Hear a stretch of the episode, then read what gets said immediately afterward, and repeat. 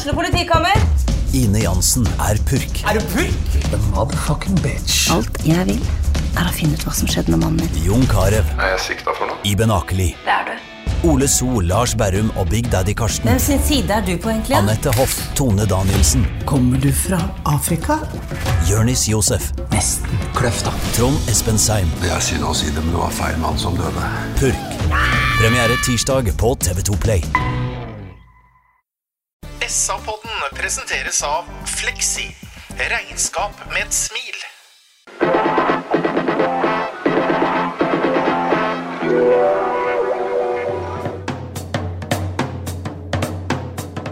Sarpsborg Arbeiderblad gir deg en ny episode av SA-podden med Sven René Nygård, Øystein Weber, Petter Kalnes og Bjørn Inge Bingen Nilsen. God søndagskveld hjertelig velkommen til SA-podden, SAs egen fotballpodkast. Vi skal snakke om eh, et fotballag som eh, nekter å tape kamper, nemlig Sarpsborg 08, etter at det ble 1-1 mot et eh, godt Tromsø-lag på Sarpsborg stadion søndag kveld. Her i studio sitter en meget oppegående Øystein Weberg. God kveld, Øystein. Hei på deg, Petter. Er det bra med deg, da? Ja, her er formen suveren. Suveren, ja. Sven René Nygaard tilbake fra det store utland. Ja, nå Nå er jo ikke jeg kjent for å bli veldig brun, av Petter, så det er en del som vet at jeg har vært borte, så de har lurt på om jeg har vært på Mosjøen eller et eller annet. Men jeg har jo vært på Granca i uke, og eh, der pådro jeg meg total døvhet omtrent. Så det ene øret er jo dødt, og det andre er sånn halvveis, og jeg kan ikke si det har vært så bra. Hadde jeg kommet hjem fra Syden og vært så lite brun, så hadde, jeg, da hadde folk blitt mistenksomme. Har du sitter bare i baren, eller hva er det for noe? Hadde de sagt til meg da. Nei, men jeg, jeg, jeg, går jo liksom til det der innpå Når jeg kommer på Gardermoen, så spør jeg liksom hvem som har greie på å og fortelle at jeg har jo ganske lys hud, og så hva, hva slags krem skal jeg bruke, og så da tar jeg imot det jeg får. Da. Ja. Men nå har det vist seg at de to siste gangene jeg har vært der, har sånn total sunblock. Mm. Ja. Det, det slipper ikke noe sol igjennom heller. Så Da jeg var guttunge, så brukte vi vaselin og sånn på, påskefjellet. Ja, jeg var yngre så brukte jeg kokosoljehuset her. jeg. Ja. Det glinsa litt av kroppen da jeg gikk over stranda og sånn, men det er slutt på den tida. Apropos glinsende kropparbingen, god dag, god kveld, hei. God kveld. er det bra med deg, ja? Ja, det er bra. Ja. Det går bra, veldig bra. Det er bra. vi skal ikke preke om uh, gamle kropper, men vi skal preke om en fersk, eh, fersk fotballkamp. Uh, Sven hva var hovedinntrykket ditt etter 1-1 på stadion søndag kveld? Nei, det Hovedinntrykket er at det er to formlag, to gode fotballag per i dag, som møter hverandre. De eh, ja, på en måte liksom litt, litt nuller hverandre ut, da, hvis det går an å si det. Selv om det var mer enn nok målsjanser at det ble flere mål her. Men vi ser jo tydelig at Tromsø er et lag i medgang. og de er eh, leie å skåre mål på, de stenger eh, buret litt i store perioder og detter ned med femmer bak og har resten av laget rett foran. Så har vi ikke balltempo nok. og ja, jeg, føler jo som jeg sa til eller intervjua gutta etter kampen, at det er liksom Jeg sitter jo tross alt med en følelse av at det er et lag som etter spill og sjanser skulle ha fortjent å vinne, så føler jeg at det var 0-8. Deler det synet, Bingen, at det var eh, hjemmelaget som var nærmest eh, tre poeng? Ja, de har vel litt avslutninger og litt eh, farlige, noen farlige headinger, eller som kunne blitt farlige i hvert fall. Men eh, jeg òg deler det med Sven at jeg syns det var to eh, godt organiserte, gode lag, eh, to formlag, som spilte mot hverandre. Og jeg syns det var en trygghet i midtforsvaret. Spillerommet tre i midt og to bekker, altså en femmer bak Tromsø. Og det gjorde dem veldig bra. Det var en veldig trygghet i, i midtforsvaret deres. Så jeg øh, syns det var to gode lag, men om vi ja, jeg syns det hang målet Du vet, selv om de var defensive, så vet du at de har noen offensive kvaliteter som er litt eh, trollmenn med, med ballen. Så jeg syns i og for seg 1-1 var helt ok. Altså, ene poenget Øystein, er jo at 100 reiser bedre enn å stått igjen uten poeng i en kamp som man f.eks. har 57% av ballinnehav i. Ja da, og jeg har vært i betydelig dårligere humør etter en eh, kall en uavgjort eh, hjemme enn i dag. Dette er egentlig en ganske god kamp. Eh, Men, men Bingen har et poeng i forhold til at de har, noe, de har noe farlig for seg innimellom. Og vi ser hvor kjapt og hvor klinisk de avslutter når vi får det målet imot der. Men, eh, men dette er ikke noe spesielt dårlig kamp av 08. Vi har sett dem betydelig dårligere enn dette. Så, Så jeg sitter med en sånn ok følelse etter den kampen her. Mm. Det er veldig vanskelig for oss Sven, å være eh, objektive når det gjelder Sarpsborg 8, for vi er jo glad i laget og glad i klubben og glad i byen. Men hvis vi hadde vært der som nøytrale tilskuere, så tror jeg dette her er en fotballkamp mellom to bra lag. Med mye bra prestasjoner, som jeg ser i hvert fall. Ja, og det ser du jo på hvordan begge lag har klatra på tabellen. og det er, de, de er som sier, de er i form. og vi satt jo og så på Rosenborg eh, mot eh, Tromsø bl.a., hvor eh, Tromsø kjørte over Rosenborg i store perioder. Så Vi møter et meget godt lag. Og det har vi blitt nå. Eh, vi er vanskelig å håndtere. og Tromsø merka nok det de første 15 minuttene hvor de knapt var borti ballen. og Det gikk så fort at de snudde de seg til høyre, så var ballen til venstre osv. Og, så videre, og vi trøkka på dem. så det er, som du sier, nøytral tilskuer ser at det er to lag med stor kvalitet i dag. Mm. En detalj vi snakka mye om forrige gang, det var, eh, og som vår superreserve Geir Arnesen var opptatt av, det var uh, gjenvinninga. Altså hva man gjør etter at man mista ballen. Mm. Og Første kvarteret for eksempel, i, i, kveldens kamp var jo 100 reiser bedre enn det vi så på Viking stadion for en uke siden. Altså, det var ikke mye Tromsø fikk låne ballen før Sarpsborg 08-spillerne var over dem. Det skapte jo en del overganger òg. Det gjør jo spesielt én mann som går an å trekke fram i dag, som er både høyt og lavt, og som spiller både midtbane og stopper i kampen. Det er, eh, det er eh, junior. Og han er jo helt rå i å komme opp i, i, i motspiller i forhold til press og gjenvinning i dag, så syns jeg han var helt, helt outstanding. Så han har virkelig hatt en stigende formkurve de siste tre kampene, etter at vi har kanskje vært litt skuffa over en åtte-ti kamper, for han begynte så strålende, men nå nå ser det ut som han er tilbake på sporet og spiller en, en glimrende kamp. og Han er jo flink til å Han slår jo ikke en feil pasning. Og han er jo ikke den som prøver heller på å slå de dødelige pasningene. Det overlater han til andre. Han erobrer og leverer. Og vær så god, kjør på. Og stjeler meter hver gang han uh, avanserer med ball i bena. Han har ben som går veldig fort. og uh, ja, han setter opp andre for å spille, spille medspillere gode. En liten detalj rundt det, Sven, er jo at uh, den perioden han ikke var i form, så lagde han mye frispark. Nå lager han nesten ikke frispark heller. Altså Han er på det, men så, enten så vinner han ballen, eller så bare på en måte tvinger han dem til å gjøre noe annet. Slå en støttepassing, f.eks. Da har han jo gjort jobben sin. Det høres kanskje dumt ut, men uh, må nesten bare bli glad i han junior òg, vet du. Jeg ble helt han ble ikke forelska, men også, jeg intervjuet han jo etter matchen i dag, og det er bare måten han håndterer media på, det er måten han er på. Jeg, eh, som jeg sa, du åpna glimrende første kampene, så har det vært ganske så flatt. Og de siste kampene var strålende, og det ansiktet han viser fram da, så jeg spør han hvorfor. Og da sier han jo det at han vet jo ikke det sjøl, men han, han var helt enig med meg. Jeg har vært eh, flat. Jeg er veldig god igjen nå, liksom. og han er rett og slett en vidunderlig fyr. og Tenk deg å ha en sånn i garderoben og ha en sånn på banen. Jeg sa til jeg vet ikke om det var Weber på salen i stad Når du kommer i klørne hans som motspiller, du har ikke sjans å klippe unna. Altså, han har fanga deg. Han har fanga deg, du får ikke gjort en dritt, og som regel så går han ut med ballen. og det er som du sier, Nå er han så presis på alt han gjør, og når han vinner ballen, så gir han fra seg den på rett måte, på en enkel måte. Og han kommer nesten aldri for sent om dagen, og lager nesten aldri frispark uten om når han må, Ja, ja. for da er han profesjonell. Ja, ja. Sånn som han fikk i gul kort i dag. Da tar han dem med Ja, og han tar dem og snakker aldri på seg kort, han. men han tar dem realt, Ja, ja, ja. så er det greit. Da er han kynisk nok som han skal være. Ja, ja.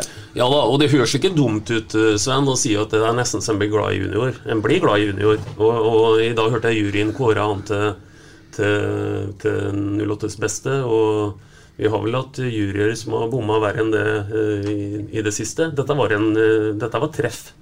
For uh, i dag er junior fryktelig god, og det, det medvirker til at en, uh, Vi har vært inne på det tidligere, alt henger sammen med alt. Og det er en veldig viktig bidragsyter i dag, altså.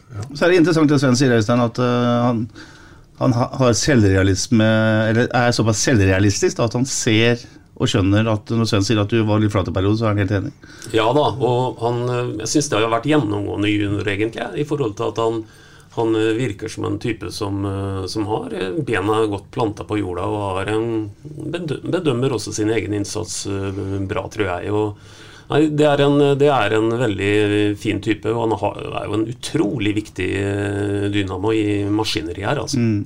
Ikke minst for Saletros-bingen, at han har dem sånn ved siden av seg. Han er, Saletros er en type som er litt avhengig av det. For han, jeg tenker at han tar så stort ansvar sjøl at han øh, kanskje kan gå i fella at han skal være overalt. Saletros, det er ikke noe tvil om at Saletros tar seg jo friheter Mm. eh, med, med en junior i form eh, inn sentralt. Eh, Saletros er jo en liten type for eller en liten periode så er han jo høyrebekk, og så er han ute på eh, Serverer fra venstre, har en del feilprosent i dag, som eh, egentlig er litt eh, ulikt eh, Saletros, men han er jo dødelig når han endelig setter opp Fardal, som du kommer tilbake til. Men eh, ja, Saletros tør å ta seg friheter med en junior i, eh, i form. og han er så hurtig, han har så intensitet i, i spillet sitt, og det er som Sven sier, som han bekrefter sjøl, at der, du ser når det er flatt, men når han eh, er på topp, og når han orker og har intensiteten eh, der som han var i dag, så er han, eh,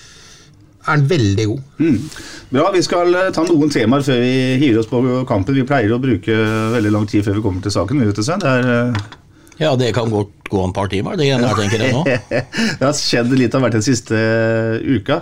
Blant annet så har Sarpsborg 8 signert Peter Reinhardsen, 23 år gammel. eh, ja, Ifølge Thomas Berntsen kan han spille både høyre- og venstreback og midtstopper og midtbane. Jeg eh, tror han er først og fremst en, eh, en høyreback. eh, var det han spilte mest i start, offensivt sådan. Og så har vi tidligere brukt mye tid på vår venn med nummer syv, Ole Jørgen Halvorsen. Hva betyr det her, tror du, Sven, hvis du skal tolke situasjonen? Altså, Vikne er høyreback, Ole Jørgen Halvorsen er nå høyreback, og så henter man inn en uh, up and coming uh, spiller fra Kristiansand. Hva sier det om situasjonen til Ole Jørgen Halvorsen? Bare, hvis jeg greier, så har jeg bare lyst til å åpne med en annen ting først. fordi Jeg leste jo gjennom SA det stykket han har skrevet selv mm. i forhold til opp mot start, mot supporterne og alt dette her. Og eh, jeg har ingen grunn til å tro noe annet enn at det han sier er en realitet. Så kan man si hva man vil om eh, Start, eh, styre og stell. Men en så et så herlig, ærlig stykke. Det- Jeg ble litt glad når jeg leste det, for det her vitner om en eh, gutt, eh, ganske ung gutt med baller som tør å stå fram. Og ekstremt gode egenskaper som person. Så, så det, det er sagt, og det, det er veldig spennende. Men kan jeg bare bremse litt der, og kan vi spole båndet litt tilbake. for Situasjonen er altså den at han er på en, eh, et besøk i Sarpsborg 8, der han er gjennom en slags eh, fysisk eh, test, og der handler det om, etter hans uh, utsagn, 25 spenststopp og noen knebøy. Liksom. Det er ikke noe, det blir ikke utskitt av det, men Start reagerer voldsomt på det. Det er bakgrunnen for at han nå har tatt et oppgjør med Blir klubben. litt mør i bena, låra av 25 spenstopp. Også. Gjør Du, ja, Bingen. Ingen, du blir mør etter ett, ett spenstopp. Men jeg lurer, altså, vi har nemlig lurt på det. Tok du noe spenststoff i det hele tatt i ungdommen? uh, og det gjør da altså Start reagerer, og så han blir satt ut av laget og litt av hvert. Og så tar han et oppgjør med det nå som det er klart. Ålreit, vi er enig med deg, det var bra oppgjør han tar med Start. Men hva sier du om uh, Reinhardsen opp mot uh, vår venn uh, Ole Jørgen? Nei, altså, hvis jeg skal gjette på hva, hva som blir utfallet av det, så ser vi jo at en eh, ung fremadstormende Vikne skal være her. Kommer en ny ung fremadstormende en som kan spille høyreback og har gjort det mye. Så må jeg jo si at det svekker ved mulighetene til Ole Jørgen å få forlengelse, sånn som jeg kan lese gjennom linjene da. Eh, og det er selvfølgelig kjedelig for Ole Jørgen, og det er kjedelig for mange sarpinger. og men, men det er liksom fotballens harde realitet. da. Det er... eh, det blir ikke så mange plasser igjen til Ole Jørgen på høyresida etter at de to annet er der. og Hvis de skal konkurrere om en høyrebekk og en høyre kant, da, at en av dem, eller begge to er gode nok der, så spørs det vel om eh, kanskje Ole Jørgen eh, må fortsette sin fotballkarriere, noe jeg tror han gjør, garantert, et eh, annet sted, dessverre. Tenkte du, Bingen, når du så saken om at han uh, Reinhardsen var klar? Jeg tenkte det, det samme som Sven, ja nå, at der, Ole Jørgens dal, dager er talte. Uh, samtidig som jeg føler uh, Nå spiller han jo, han har vært med på å snu hele skiten egentlig nå i høst, og gjør jo egentlig en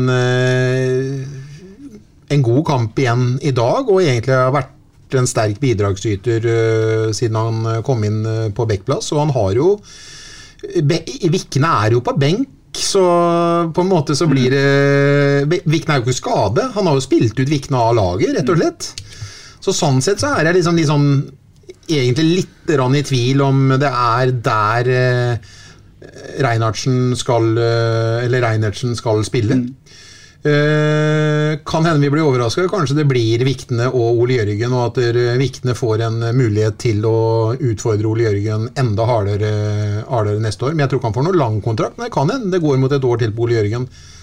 Ut ifra hva jeg eh, ser. Jeg skjønner ikke hvorfor du skal eh, sette ut førstebekken til Og så hente en til, og så skal andrebekken få lov til å være igjen eh, i sammen med en ny, ny, nysignering. Det er ikke noe logikk i det, Nei, ja, det, det er jo ikke det. Nei, nei. Det kan jo være at dere Nei, det kan ikke det. Sven.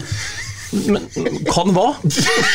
Det er helt eh, ute å kjøre. Nei, men altså, hva sier Reidarsen også Men er du enig, Petter? Ja, altså, det, ja, det, det du sier, er jo ikke noe logikk i det. At, eh, Nei, nei, nei. Men uh, Reinertsen kan det kanskje også bli en konkurrent høyere i banen, eventuelt. ja, eventuelt. Vi, vi, vi sitter og snakker Ja, om vi, ting vi gjør det, men uh, eh, vi kan ikke ha tolv høyrespillere Nei. heller, så Og Vikne selger vi jo ikke. Vi skal ikke bruke masse tid på Ole Jørgen nå, det skal vi eventuelt gjøre senere. Men har, kan jeg spørre med ting igjen? Jeg leste jo det intervjuet som Esse har gjort med han. Mm. Han skåra fem, eller hva han skriver sjøl, lesebrevet. Han har skåra fem mål og ble kåra til eh, banens beste eller Starts beste i to eller tre av dem osv. Fra hvilken posisjon er det han setter de fem måla? Det er høyre vingbekk i et tre- Ja, det er det, ja. 3-5-2. så var var ikke det B-kamper han har skåra i de siste måla? Eller var det A-kamper? Jeg mener, uh, for Han har jo blitt satt ut av laget, så han scora for B-laget. Mm. Så når Berntsen uttalte på de siste kampene, så er jeg litt usikker på om det kan ha vært vært Ja annetlagskamper. vel.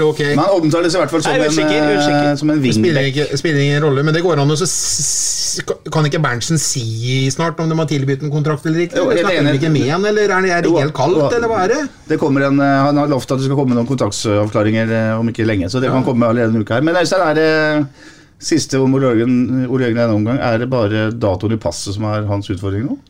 Altså, han er jo på laget, som ingen sier. Ja da, akkurat nå så er det bare det som er utfordringen. Mm. For ellers så er det jo som Bingen sier, det hadde ikke vært noen logikk i det. Så det er fødselsattesten som på en måte eventuelt må spille inn.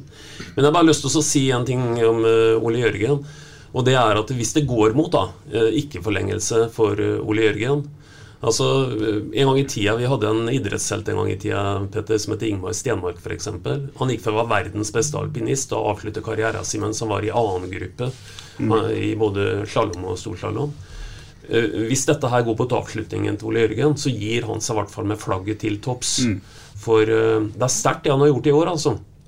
At han åpna i sesongen egentlig som et ganske klart annetvalg for eh, Vikne på bekken. Og uansett hvordan en snur og vender på det, så har han uh, kriga seg tilbake og tatt den posisjonen.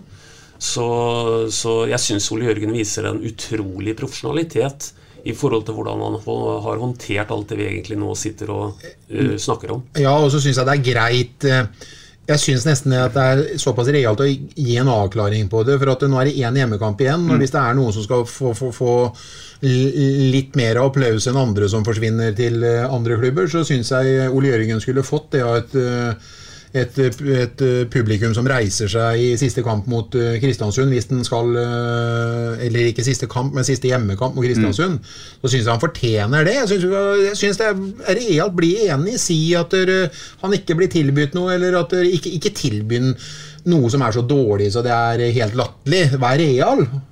Si et ja eller et nei. Kom med det, og fortell oss publikum det. Vi lurer jo på det. Det er Ja. jo Borgen-gutt. Det er Ja. lokal gutt. Yes, bra. Husker du forresten da Selma skulle kjøre utfor, uh, Øystein? I Kitzbühel, ja. Ja. ja.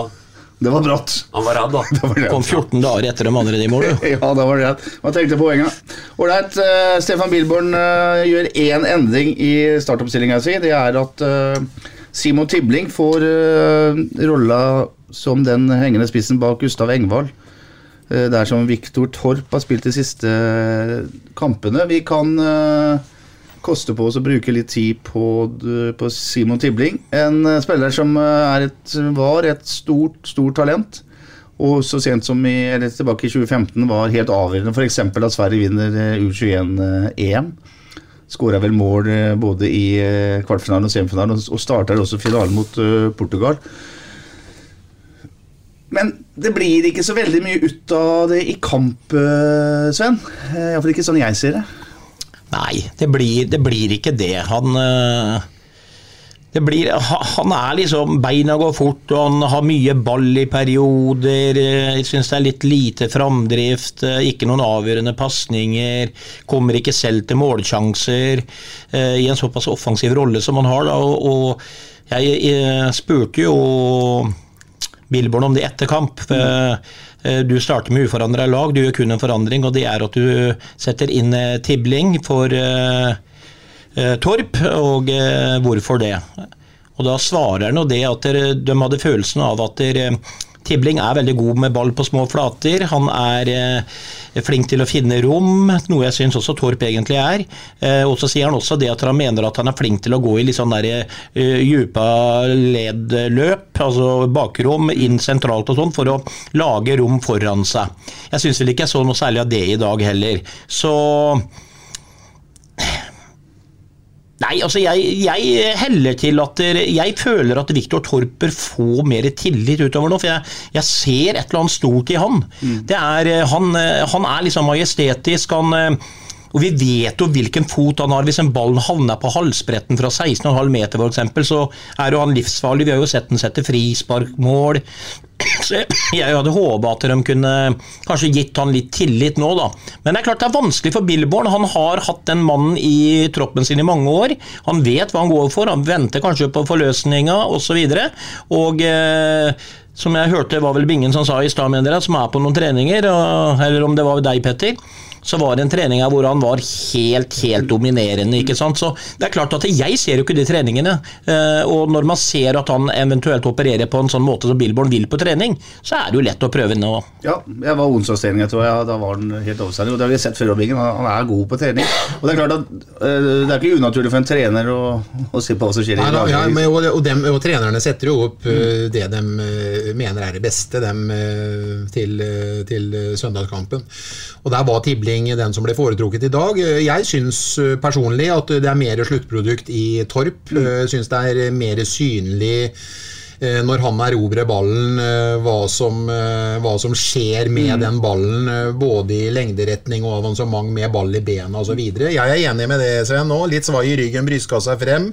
Eh, han er sterk med ball i bena, og så syns jeg han er flink til å posisjonere seg eh, litt lenger fremme i banen enn det Tibling er. Så jeg syns personlig òg at det er et større sluttprodukt i, i, i Torp. Hvis du tenker inn mot neste sesong, Øystein, så er det jo et faktum Eller det er ikke et faktum, men vi, vi frykter i hvert fall veldig at Saletros uh, reiser ut i det store utland. Det fins sikkert eh, byer som er heftigere enn Sarpsborg, kanskje. Eh, kunne Timling vært en uh, erstatter for, uh, for Saletros, altså i den én av to i en duo midt på banen der? Akkurat sånn som jeg ser det per i dag, så vil det i så fall være en blek kopi av Saletros, tenker jeg, i akkurat den rolla der. Eh, For Saletros syns jeg på en måte har opptrådt ganske Altså, I hvert fall Saletros på sitt beste, da. eh, føler jeg egentlig vi sliter med å, med å erstatte. Når det gjelder akkurat laguttaket i forhold til Torp Tibling, så er jeg i hvert fall overbevist om én ting, og det er ganske tett mellom dem. ikke sant? Det er ikke de, det, det gir seg ikke helt sjøl. Så det eneste som er veldig logisk i dag, hvert fall, det er at den ene spiller i 60 minutter, og så kommer han andre inn i 30. For det er klart at det, hvis du tenker at du har to stykker som det er veldig, veldig close på, uh, uttaket, da skal du ikke vente For du vet, når du begynner da å bli tappa for krefter utover i kampen, da, da vil jo naturlig nok det førstevalget ditt ha datt eh, litt ned, og da må vi sette inn på friske ben. Så, så det er i hvert fall eh, logisk at eh, det er ikke noe enkelt uttak for dem. Og så er det selvsagt, som Bingen sier, at de, de setter opp det de tror er for dagen det beste. Og så er det litt magefølelse rundt det osv. Her snakker vi veldig marginalt, altså. Og så er det jo en, et, en problemplass på laget nå. i og med at eh, vi, Det vi ser nå, er jo at når Torp kommer inn, så tar det ikke mer enn en eh, ja, Det tar jo 20 minutter, og så kommer, eh, kommer Molins inn og tar Torps plass der. ikke sant? Da blir Torp flytta ned på sentral midtbane. Så det er, de har slitt med å finne mannen mann i den der dype spissrolla. Liksom. Ja da, eh, og det er veldig bra Øystein sa det han sa, for det satte meg på en annen ting jeg glemte å, å si i stad. Han sier jo til meg da at dere Torp eller Tibling? Nei, mellom Torp og Tibling. Eh, En, eh, en av de grunnene jeg glemte å nevne i stad, var at det er, det er jo så tett at dere, han føler for å holde dem varme. Ikke sant? Men, og, og, og det er jeg for så vidt helt enig i, men så er det jo noe som heter å få noen at noen får tillit òg. At de får lov til å gjøre en sånn mediumkamp og likevel få lov igjen. Eh, Så det er jo et problem dette her med å holde dem varme, samtidig som de andre som er inne skal spille seg varme og gi tillit framover, som sagt. Men det er i hvert fall en av grunnene han brukte, da, til eh, han ville holde, holde eh, Tibling varm. Mm. Vi kan ta, bruke litt, litt tid på en annen spiss, nemlig Gustav Engvald. Går av bane da igjen uten å skåre mål. Uh, utmerker seg vel kanskje først og fremst Bingen som en knallsterk sånn duellspiller. Altså når, når ballen ligger en 50-50-ball der, så er han helt rå. Altså, han døtter vekk folk og holder ballen og slår en tunnel på uh, Yttergård Jensen der. Og liksom er, uh, men sluttproduktet det, det mangler litt da òg. Jeg syns han eh, kommer eh, mye mer i møte ja, nå enn det han eh, gjorde når han starta høstsesongen for oss, eller han kom i sommer. Jeg syns han eh, var mye flinkere til å strekke eh, og finne bakrom eh, i de første kampene, fem-seks kampene, enn det han, mm. han gjør nå. Akkurat nå er han liksom litt inne i blindgaten. Nå vil han ha en ball, nå vil han ned og kjenne litt på. Han vil han være møtende. Og det syns jeg faktisk er litt rart, at han med den ekstreme timinga på bakromsløpa sine, og hvor flink han var til å skaffe seg de romma og klarte å ta med, med stoppere og løpere på, på tur i, i starten. Det er liksom litt fra, Han er litt inne i blindgata i forhold til det, men han legger ned en fantastisk jobb for laget. Jeg kunne gjerne sett meg at han hadde funnet mer bakrom eller ligget og lukta litt mer enn det han gjør nå. Det er der han er god, det er der han er farlig. Han har en hurtighet og et steg som svært få stoppere klarer å følge når han, er, er, når han tar den bueløpa og, og kjører i bakrom. Der, er- der, der, der var han jo helt rå, syns vi, da. For selv om det er fem mann i forsvaret, og, og de ligger ganske lavt, så er det jo, det er jo muligheter. Ja, det er veldig muligheter, og jeg er litt enig i det Bingen sier her nå i forhold til at den hurtigheten som Engvald har, den må utnyttes i større grad, og vi ser litt for lite kanskje av det. Men vi ser jo veldig mye av et initiativ i, i Engvald, og hvordan han på en måte lurt skjærer inn foran når han har en som på en måte følger løpet hans osv., som enten får valget mellom å ta han eller slippe han. Og, og, og Engvald er en trussel, men han kan være enda mer trussel i forhold til å strekke, tror jeg. Altså. For da skaper han, som vi har vært innom noen ganger før, også bedre arbeidsforhold for den som ligger på en måte i den tibling-torp-rolla. Mm. Og, og spesielt kanskje de to siste kampene, så syns jeg kanskje også at Engvald har kommet litt Litt for mye i møte. Og Engvald, hvis du hører på dette, og det gjør han vel, Bingen? Ja. Engvald lyssnar til SR-podden. Yes. Yes på engelsk. På er internasjonal binging. Da tror jeg at uh, du, må, du må fortsette med det, Engvald. Ta strekk mer, og time løpa dine sånn som du har visst at du er helt eminent på. Ja da, og jeg er enig i det, men, men eh, jeg tror vi, hvis jeg skulle analysert kampen og fått se den om igjen, så er det i dag svært lite bakrom i veldig store perioder. og Det gjør noe med at det er vanskelig å starte løpet. Det gjør noe med at dem som skal slå den pasningen til en som starter i et bakrom hvor det er lite bakrom, det er nesten håpløst noen ganger. ikke sant? Da må du være nære Engvald og eh, ja, seks meter unna da, mens eh, han ligger på høyde med fireren. og Det med å se det vi så tidligere, det var vanskelig å få til i dag. Ja, men Sven, jeg vet at du har to døve ører, og de har sittet ved siden av deg og snakka med deg i dag. Etter fem Ja, minutter så begynte hva? du og jeg å kommentere at nå skifta kampen helt. Nå må det jo bli rom for Engvald, for nå er det plutselig Tromsø, eller vi som legger oss lavt, og det er Tromsø som, Ja, som den styrer. perioden der. Den ja, perioden ja, ja, der, ja. ja. Den var langt ja, Og da er det Du satt ved det dårligste øret mitt òg, vet du. Jeg hørte jo bare Jeg fikk respons ifra deg, jo! Men det var en som sa her forrige gang jeg vet ikke hva du sa. Det var en gang en annen gang han Sven var med på den, og da var lurte på om han var blitt blind. Så det har vært mye verre, det, da. Noe. Så, Men det er egentlig utrolig behagelig å høre dårlig når du sitter siden av Callen her. Ja.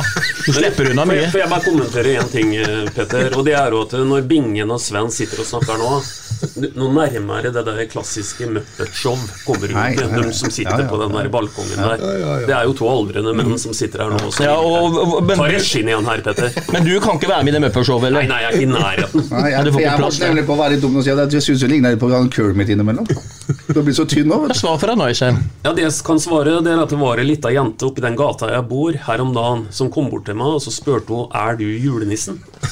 Og jeg hadde ikke hjerte til å si nei. Så jeg sa faktisk at jeg er julenissen, så jeg tror hun har store forventninger nå frem mot. Ja, det gjør absolutt. Jeg syns jeg skal kjøpe med noe til òg. Anders Kristiansen står i mål fra start, eh, Sven. Ole Jørgen Halvorsen av høyrebekk og Joakim Soltvedt av Enstebekk. Magna Ødegaard og Anders Hagelskjær, selvfølgelig må vi jo si nå. Det var vel den eh, sjette kampen på rad. Så De to spiller sammen. Junior Anton Sareto sendte på midten. Mikkel Maigård til høyre. Tobias Heis til venstre. Simon Tibling i den eh, berømte hengende spissrolla. Og Gustav Engvald da midtspissen. Vi skal overraske lytteren litt med å ta et eh, tema som egentlig hører hjemme langt ute i poden. Men det er et faktum at etter 78 minutter så gjør eh, Stefan Bilborn sin, sin siste grep med å sette inn uh, Steffen Lie Skålevik, Kristian Fardal Opseth og Gisje Molins. Hvor mange ganger har ikke vi sittet på stadion og tenkt at uh, det har vært moro å ha noen innbyttere her? Men den benken i dag er sterk når vi snakker om Det kommer altså tre fullblods eliteseriespillere på banen, Øystein, og er med på å snu Eller vende matchen, altså det blir 1-1 i hvert fall. Ja, det går an å ha forventninger til, til de byttene Mm. der. Jeg skjønner jo at på en god dag så kan dette være med på å endre bildet. Og eh, veldig deilig, syns jeg, altså at eh, at uh, Fardal uh, får vise at uh, har du en gang vært en notorisk målskårer, så har du et eller annet i det. Så kan vi heller brodere mer på det etterpå. Ja. Men en toppskårer er en toppskårer, vet du. Det er ikke alltid en trener har en benk som på en måte er, er så bra i verktøykassa si, at du kan være med på å snu en kamp. Nei da. det har han i dag. Ja da, det har han i dag. Og så lenge Fardal Opseth er den som kommer inn og blir tunge på vektskåla for å få med et poeng, og så er det jo også veldig spesielt. Det er som Billborn sa til kampen, at eh, han var så glad på hans vegne.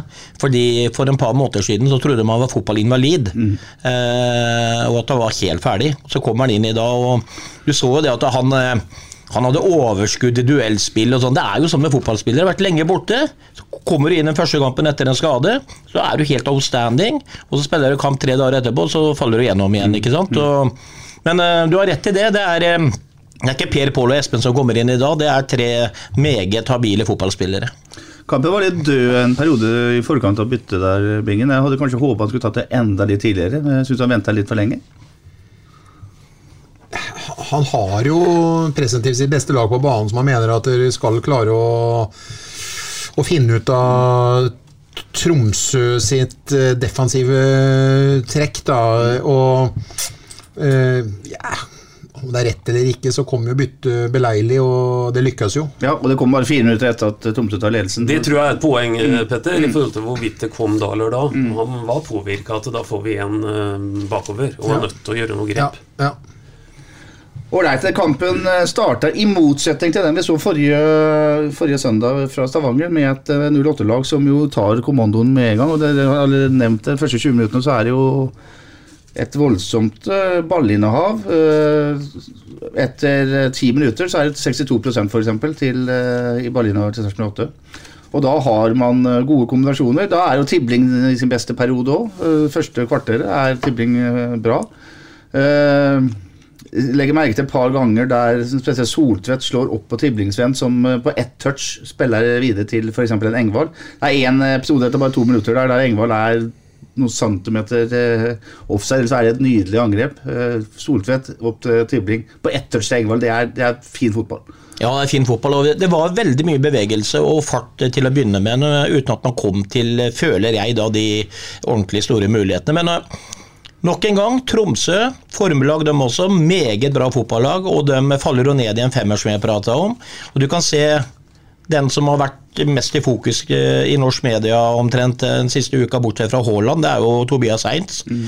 I dag ser du svært lite til han. De bretter seg ut. Ellers Eller så pleier du å se Tobias få ballen på skrå inni 16-meteren til motstanderen og kan få tenke litt før han da nå, nå, Det var ikke rom til han. Altså, de, hadde, de tok jo han ganske godt ut av kampen også. Tobias ville gjerne skåre flere mål i dag, men han var mye mer usynlig, og det får Tromsø ta som eh, sin ære. Mm.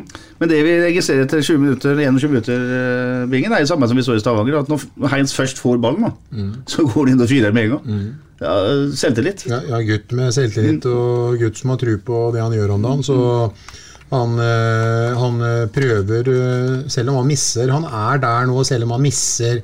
Han kan gjøre det samme fem-seks ganger og, og misse. Han nå også gjør han og setter han den sjuende. Han er litt der om dagen. Eh, men i dag så, så, så lyktes det ikke. Men eh, jeg sier, eh, Tobias var jo et aktivum, han òg, sammen med veldig mange i perioder. Og det var plassskifter, og det var eh, ettørspasninger og mye, mye Nesten Soltvedt har jo noen oppspill bakifra i banen som er nesten både på centimeter ifra tuppen til både Engvald og Saletros. Mm. Så eh, det er eh, mye godt i laget da. Men jeg syns jeg, jeg, jeg, jeg, må bare si det at jeg syns Tromsø var et veldig godt organisert lag. Med mange gode ballspillere. Og jeg så han eh, med krøllene i midtforsvaret der sånn, i den treeren bak som var den sentrale. Når han, gikk i, når han markerte seg ved, eller når han bestemte seg for å gå i duell, så, så gikk han i den duellen. Og om det gjorde vondt, eller om han, tok en, om han kom seirende ut eller hva det var, så det var noe majestetisk over dem. Og du har en, en eh, balanserende midtbanespiller nå som eh, Jeg husker jeg var også, var i litt og så et U-landslag med Joakim Thomassen. Var for øvrig en C-tur vi la dit, og Joakim Thomassen spilte U-landskamp sammen med Ruben Yttergård Jensen. Han begynner å bli en voksen eh, midtbanespiller, men han er fortsatt still going. Altså. Han slår vel faktisk nesten ikke en feilpasning. og alle pasninger han slår, er med mening. Så har du Kitolano og en spiss som kommer inn, en finne som kommer inn der i annen omgang, som jeg syns er strålende og utfyller hverandre godt. Kitolano er smart rundt den, og han eh, midtspissen, at ikke han spilte fra start, det skjønner jeg faktisk ikke, for han syns jeg var eh, strålende i forhold til eh, hvor autoritær han var, og han gikk, gikk fram i dueller og la dem ned på brystkassa. og Jeg syns faktisk Tromsø er en av de bedre lagene vi har hatt på Sarpsborg stadion i høst. Så er jo August Mikkelsen en av de store kometene i norsk fotball, og så er han Gaute Helstrup, uh, tror jeg, er en veldig undervurdert trener. Han er flink. Han eh, organiserer laget sitt bra. Se på bekken deres. Nilsen, Sven. Er det det han heter? Ja, ja, ja. Sven! Ja! Ja, hører du meg? Ja. Nilsen. Jens heter Eh, han. Anders Jensen heter han. Er det Anders Jensen? Nei da, han heter uh, Nilsen. Lasse Nilsen. Lasse Nilsen, ja. Lasse Nilsen, jo. Fy faderen, jeg så han jobba. Hvem var det vi kommenterer? Han har 40 meter her en gang. Han, han driver 40 meter med samme 08-spiller, hvor han tar med og tar ja, ja. med og tar med og kommer til dørlinja og slår et glimrende innlegg. Det er fotballspillere. Det laget de har klar plan, og de hadde en filosofi om hva de skulle gjøre. De skulle tette igjen bakover, og de visste at den muligheten kommer til å by seg offensivt. Og så har de litt sånn 08-filosofi, og for de vil spille fotball. Ja. Det er ikke noe sånn å spille 4-4-2 og klinke opp den ene spissen og andre stikker i bakrom. De ser på keeperne, ruller ut til bekker, ble satt under press, spiller tilbake. De spilte jo nesten mer hasardiøst bak dem enn det vi gjorde i dag. Mm. De var, de var litt der hvor vi var til å begynne med sesongen, så lykkes de, da. Ballsikre. De har spilt ut mange norske fotballag den siste uken, og, så det er, eh, som Bingen sier, et meget godt Tromsø-lag. Absolutt. Jeg kan bare nevne at jeg fikk en idé om å lage en egen podkastsending om eh, SFKs C-lags tur til Litauen. Det tror jeg kunne blitt en interessant podkast. Se? Ja, det blir iallfall ikke noe sportslig på Det blir 18-årsgrense. Ja, hvis. Vilnius er i Litauen. Eller er det Latvia? Jeg husker ikke. Vi var i hvert La, fall la også- Muppet-showet Vær så god, Øystein. Eh, nei, det jeg skulle si, det er at uh, Soltvedt beviser jo i dag at, uh, at uh, det er en grunn til at han er tatt ut på laget. Og, og det er ikke veldig Altså Summen av marginer i dag for Soltvedt for at han uh, treffer helt genialt på noen pasninger, det er veldig, veldig lite. Og, og vi bør jo ikke tjate om at han ikke er eh, verdens raskeste i sin posisjon, for det er han jo ikke, og det kan ikke gutten gjøre noe med. Men han har en del kreativitet i seg. Ellers er jeg jo helt enig i det at eh, vi møter ikke noe hvilket som helst uh, lapskauslag i dag. Han som Bingen snakker om, han, heter, han titta jeg tidlig på, han heter Kasper Øyvand, tror jeg han het. Han, eh, han er 1999-modell, eh, Bingen. Han stopperen. Han med Ja, lange, ja, lange ja, hår. ja, ja. Og for en autoritet Faen, han spilte jo, spilte jo som en voksen mann, jo. Spilte Men hvorfor brukte vi ikke rommet bortmed? da? Det prata vi jo om Bingen, at Gustav Engevald oppsøkte han litt hvis vi skulle ha bakrom. For det var jo vel ikke all verden fart på, men som du sier, en fantastisk Ja, men han fikk vel heller aldri utfordra seg helt på det. Ja, derfor jeg sier- derfor skulle vi jo brukt det rommet. Spiller med stor selvtillit, og dette her var egentlig et voksent fotballag. altså. Så ut som en kloning av han brasilianske stopperen til Chelsea, og Dan Eggen for øvrig. Ja, det var først og fremst Dan Eggen jeg tenkte Ja, på. Der har vi jo jaggu Dan Eggen, Ja. men det begynner å bli noen år siden. Ja. Kanskje Eggen var en tur i Tromsø. vet du. Ja, ja. Det vet vi ikke. Men i alle fall så, Vi skal ikke gå inn med alle sjansene, men jeg vil nevne én. Eh, som, som kanskje er et lite signal på at Mikkel Maigård ikke er helt på hugget i denne kampen heller. Jeg skal ikke, vi skal ikke bruke mye tid på Maigård, for han gjør en bra jobb i dag, men det er en lang corner fra Tibling mot eh, mot Hagelskjær på bakre stolpe, som header inn i feltet. Og Der får Mikkel Margaard ballen. Og hvis Mikkel Margaard er i 100 form der, Så fyrer han med en gang. så fyrer han med en På første touch. Ja, men nå bruker han ett touch, Ja. som er litt halvbra, og så er han blokkert. Ja. Der ser vi det små detaljer. Det er detaljer. fullt mulig å fyre med, med liggende rist på den. Ja, og, det var, og da, det var mens keeper måtte bevege seg også, da hadde jo keeper vært utspilt. Eh, Så det er, der Jeg skulle er han helt ha enig. fyrt. Helt enig. For øvrig et interessant cornertrekk med en strak rist helt på bakerst uh, 16-meterhjørnet, der han header den inn i feltet. En bra, bra corner. Ja, Ellers har jo Maigård også en avslutning i dag hvor han får anledning til å prikkskyte, Ja. som han pleier å Ja. eh, ofte treffer på. Men denne gangen så er keeper med på den. Og det illustrerer egentlig Maigård litt om dagen, dette her. Han, eh, han er ikke helt der. Men det er en bra avslutning. eh, Det- det- ja, det var- det var en bra avslutning. Og veldig fin Ja, redning av Jakob Ha- uh, Haugård-bingen. For øvrig en fin keeper òg. Stor, fin, Ja, voksen keeper. Etter 36 minutter, like før det skuddet til Maigård, så er det Engvald som gjør en kjempejobb. Uh, ute på banen. Kriger slår en tunnel på Utegård Jensen. Spiller ut til eh, Ole Jørgen Halvorsen, som slår innlegg. Uh, og der, Øystein, uh, hvis du husker den headinga til Engvald der, går Treffer opp, treffer den, får, ja, treffer ikke ballen. Litt skuffa at ikke han Han, setter en på mål. han, henger, Ja. han henger og har egentlig så jæklig kontroll Ja. på det han skal gjøre.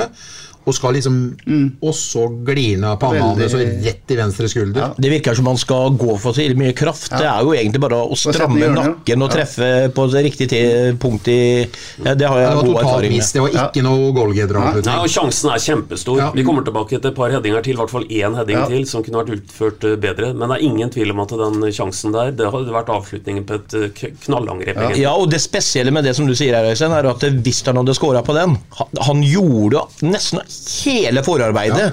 Masse ting. En tunnel, god pasning, gå på løp. Og skåre kunne jo blitt et, eh, årets mål. Det for Det er en klassiker. det, vet du, Kjempe, Ja, ja. ut kanten, Ja, innlegg og setter ja, den selv. Det er jo et nydelig fantastisk, men- Og nå, akkurat nå har vi forresten vært uh, Mupelshow alle fire, for alle har nå visst hvordan vi skulle hedde den ballen. det, men jeg forstår ikke hvorfor ingen skal liksom hedde. Han, eh, Øystein har jo to A-kamper på Borgar, så han har jo lov. Men andre har jo slått bare i mål. Så vi kan jo Men, men prøver å si, Petter, at dette her er ikke filma, eller? Er det radio vi holder på med? Jeg trodde at vi ja, men Han forteller jo hva han ser her, da. ja, Jeg nei, Jeg jo ser jo at Bingen han henger jo høyt her og prøver å liksom Ja, støte eh, ballen i mål. Det er ingen som ser det. ingen som ser det. Er du gæren? Det er jo ikke noe Det er jo kanskje like greit òg. Uff a meg.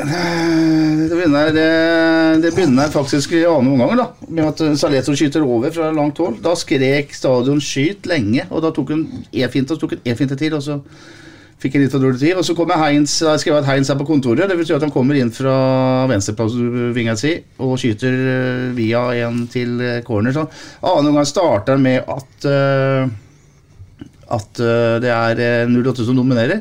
Ole Jørgen Halvorsen får sin første mulighet på bakre stolpe etter 53 minutter. Da han vinner en duell, og så detter ballen ned liksom mellom han og keeperen. Og så får han ikke løfta den over keeperen. Da gjør målvakten en bra redning igjen. Så har Magna Ødegaard en stor heading, eh, eller sjanse på en heading på etter corner.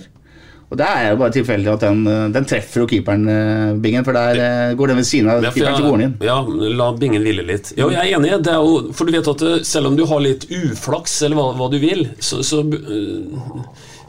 Altså Han kan nesten treffe den både for tynt og for tjukt. på en Mm. måte Han kan bare finne et hjørne til den, så, så er det noe farlig. Og så blir det på en måte en avslutning som keeper bare står og tar imot. Eller så må jeg si det i dag, Bingen, i forhold til uh, keeperen til Tromsø. Uh, det er noen ganger du, at du, du har en følelse av at eh, han står hele tiden der hvor avslutningene på en måte kommer. Så, så, God egenskap. Det er en god egenskap. Eh, veldig ofte så, så det ut i dag som at, at en kan kanskje si at ja, det var vel lett å ta den, for du, du sto jo bare der. Men du skal nå en gang stå der, og det var egentlig Er med og lestespillet jobber hele tiden og har senter Ja. Foran seg i forhold til spiller og ball og trenger ikke så store utslag for å Han er sentralt på Ja, ja, ball hele veien. det kan vi gi han keeperen Ja. der. Han leste dette på en utmerket måte. er også god med ball i, ball i bena. Eh, etter 59 minutter så får Tromsø en skåring annullert for offside, som vi bare godtok. Vi er ikke så opptatt av når det går den veien. Eh, Ja, men den var jo riktig. Ja da. Ja, da Jeg skjønte den ikke Altså, men, riktig. Nei, Altså, du, du, du eh, messa, messa du, Bingen Ja. Låsen, Kunne han som skåra være i offside? Jeg prøvde å forklare deg ti ganger, selv om jeg er dårlig. han som hedda. Han var i offside. scoret Men du trodde, trodde at han som scora, ble vinka av? Jeg hadde jo nøkkelen til det der. Jeg måtte jo forklare jo Nei, men nå må du gi deg, eh, gutten min. Sven det så mange ganger, og ikke skjønne det. At det ikke var offside. herregud, Så gå videre, Petter. Det var offside. Etter seks minutter så er det litt grann typisk. Soltvedt slår et eh, Det vil si da hadde kommentatoren på TV sagt at han piska et innlegg flatt mellom keeperen og eller fem-seks meter fra mål. Og ingen blåhvite som kan sette benet på den. eh, Der skal det være noe som lukter den, syns du ikke det? Si hva du vil om uh, Soltvedt. Ja. Fy fader, han pisker til det. Ja, ja, ja. For han slår, i lengder slår ball Slår ball gjennom tre ledd, vet du. Fra, fra, fra bekk til, eh, til spiss, som er på løp. To par-tre ganger. Fy faderen, altså, for en pasningsfot. Og han slår med kraft og presisjon. Og de er flate, og de er harde. Og neste år kommer Gustav Mogensen til å bare skli dem inn. Ja. Kanskje. For det er jo det nettopp som skal skje der. Ja. Ja, og vi har jo sett det nå, den utviklinga han har vært Øystein har vært inn på det, du har vært inn på det, Bing, men det er, kan jo jaggu ikke være mange bedre venstreben i norsk fotball enn han. Altså, Det er så presist, og det er som hun sier, at det er, det er liksom ikke det er ikke noen sånn loffete pasninger, det er kontant. Ja. Og det gjør så at de her forsvarsspillerne eller de ledda, midtbaneledda når de blir slått imellom der, de rekker ikke å fange den opp, for de er så harde. Og da glir de igjennom. Så det er eh, Å herregud, han er spennende spennende offensivt som eh, back. Absolutt. Vi er enige om at uh, Magda Rødegård og Anders Hagelskjær har vært et strålende midtstopperpar. Jeg mener at uh, vår venn fra Danmark, Hagelskjær, gjør en uh, feilvurdering etter 74 minutter. Det er mulig at jeg blir arrestert, men situasjonen er den at midtstopperne til, til Tromsø spiller ballen mellom seg, på, litt inn på egen banehalvdel. Så tar spissen til Tromsø et løp uh, fra altså Hagelskjær, som er venstre midtstopper hos uh, Sarpsborg 8, inn i rommet foran Magnar Rødegård, som er høyre midtstopper.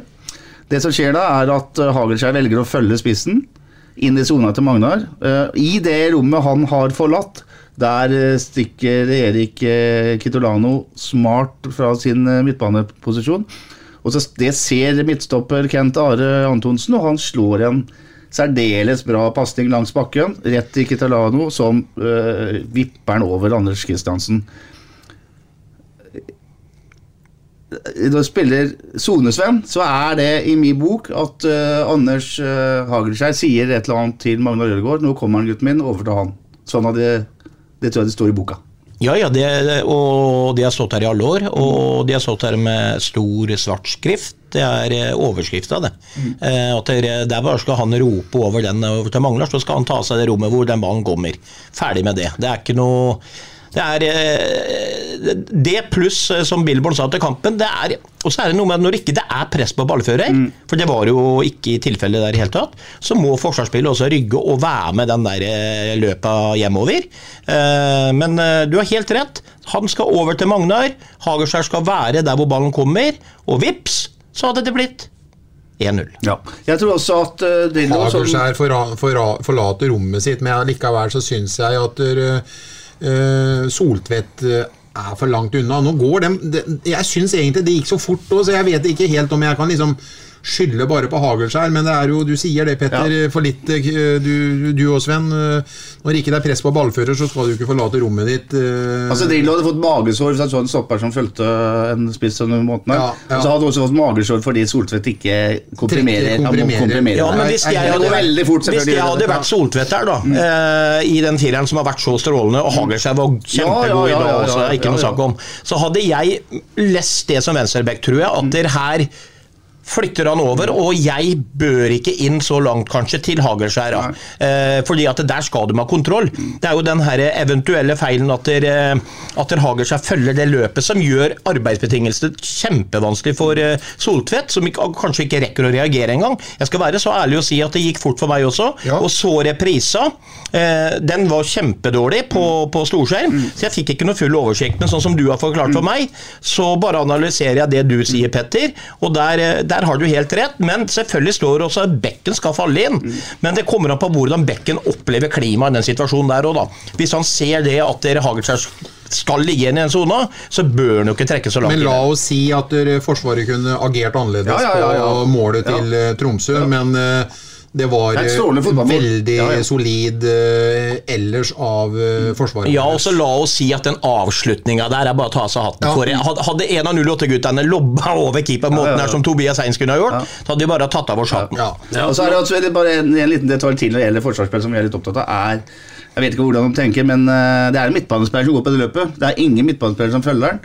Jeg vet ikke om de bare tenker at du slipper ned til stopperen, men eh, jeg tror det står i noen bøker at kanskje det er en junior eller Saleto som kan følge det dype løpet. Jeg vet ikke, men det er en annen sak, Øystein. Ja, nå fikk jo egentlig Sand poenget mitt. For det er klart at vi hadde hylla et sånt mål hvis vi hadde fått det med oss. For det må vi ta med oss her, at det utføres til ti i, på børsen. Eh, vi sitter ganske uh, riktig til for oss å se løpet til Kitolano i forhold til hvordan han timer dette her, og hvordan han er en jeg vet ikke, helt marginalt onside, men onside.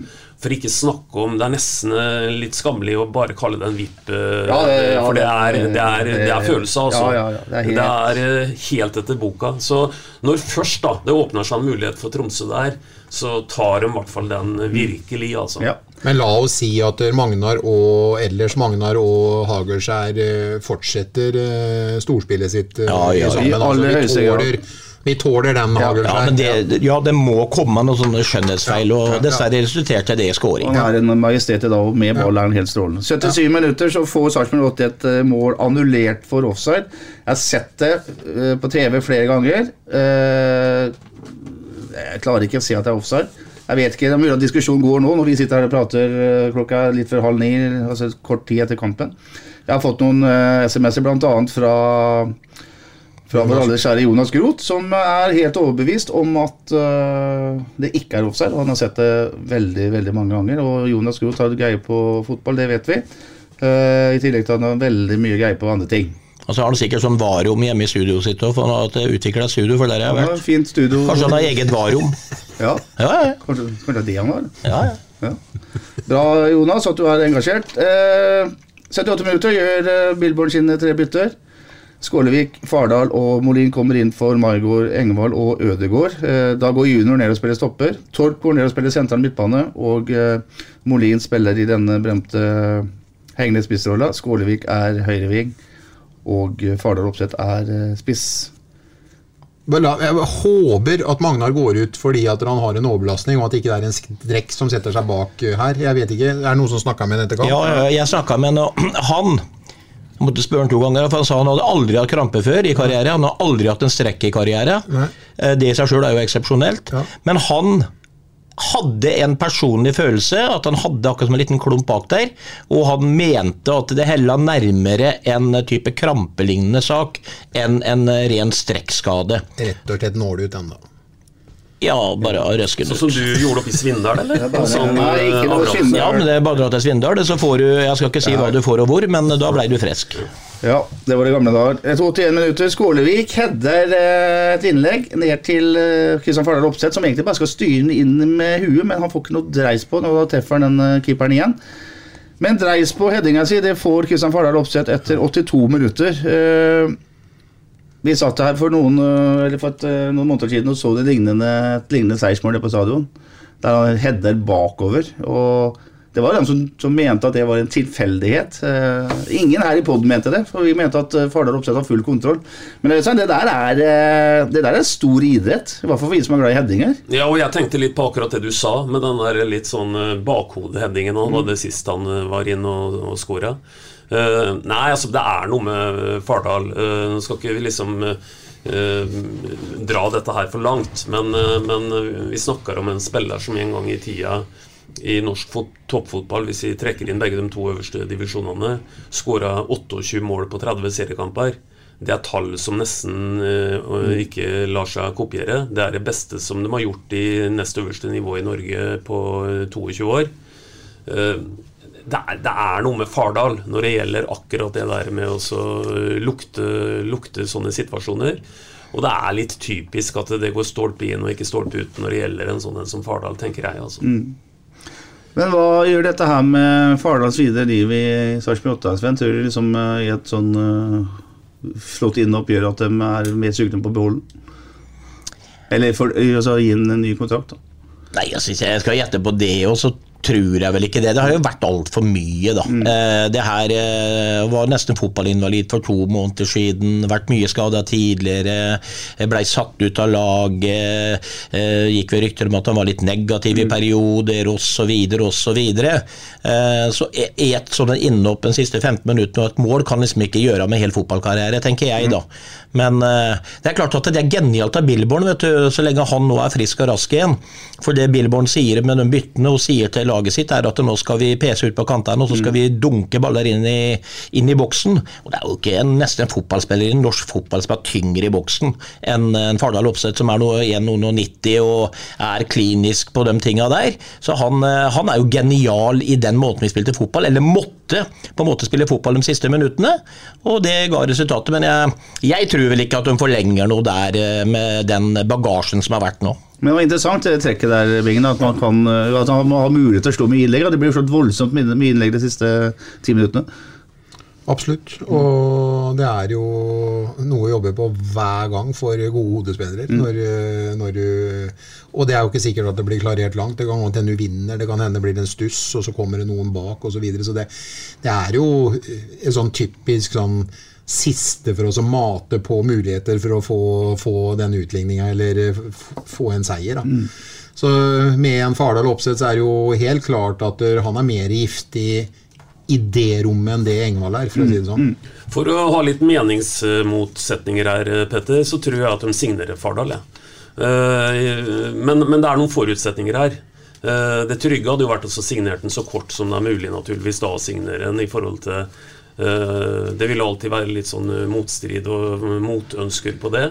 Men, men å ha en som kan være litt sånn gubben i lådan og dukke opp og så skåre et mål, det er mye verdt. Og, og hvis vi tenker hvor stor fotballøkonomien er i dag, så snakker vi om Har vi råd til å bruke under 1% kanskje av et totalbudsjett på å ha en i verktøykassa som faktisk kan komme inn og gjøre en, en scoring, så kan hende fort at det svaret er ja på det. Og det er ikke sikkert at det, vi hadde forventa at det skjedde mer enn kanskje to, tre, fire ganger i løpet av en sesong, og så ville vi sagt at det, da er det verdt det.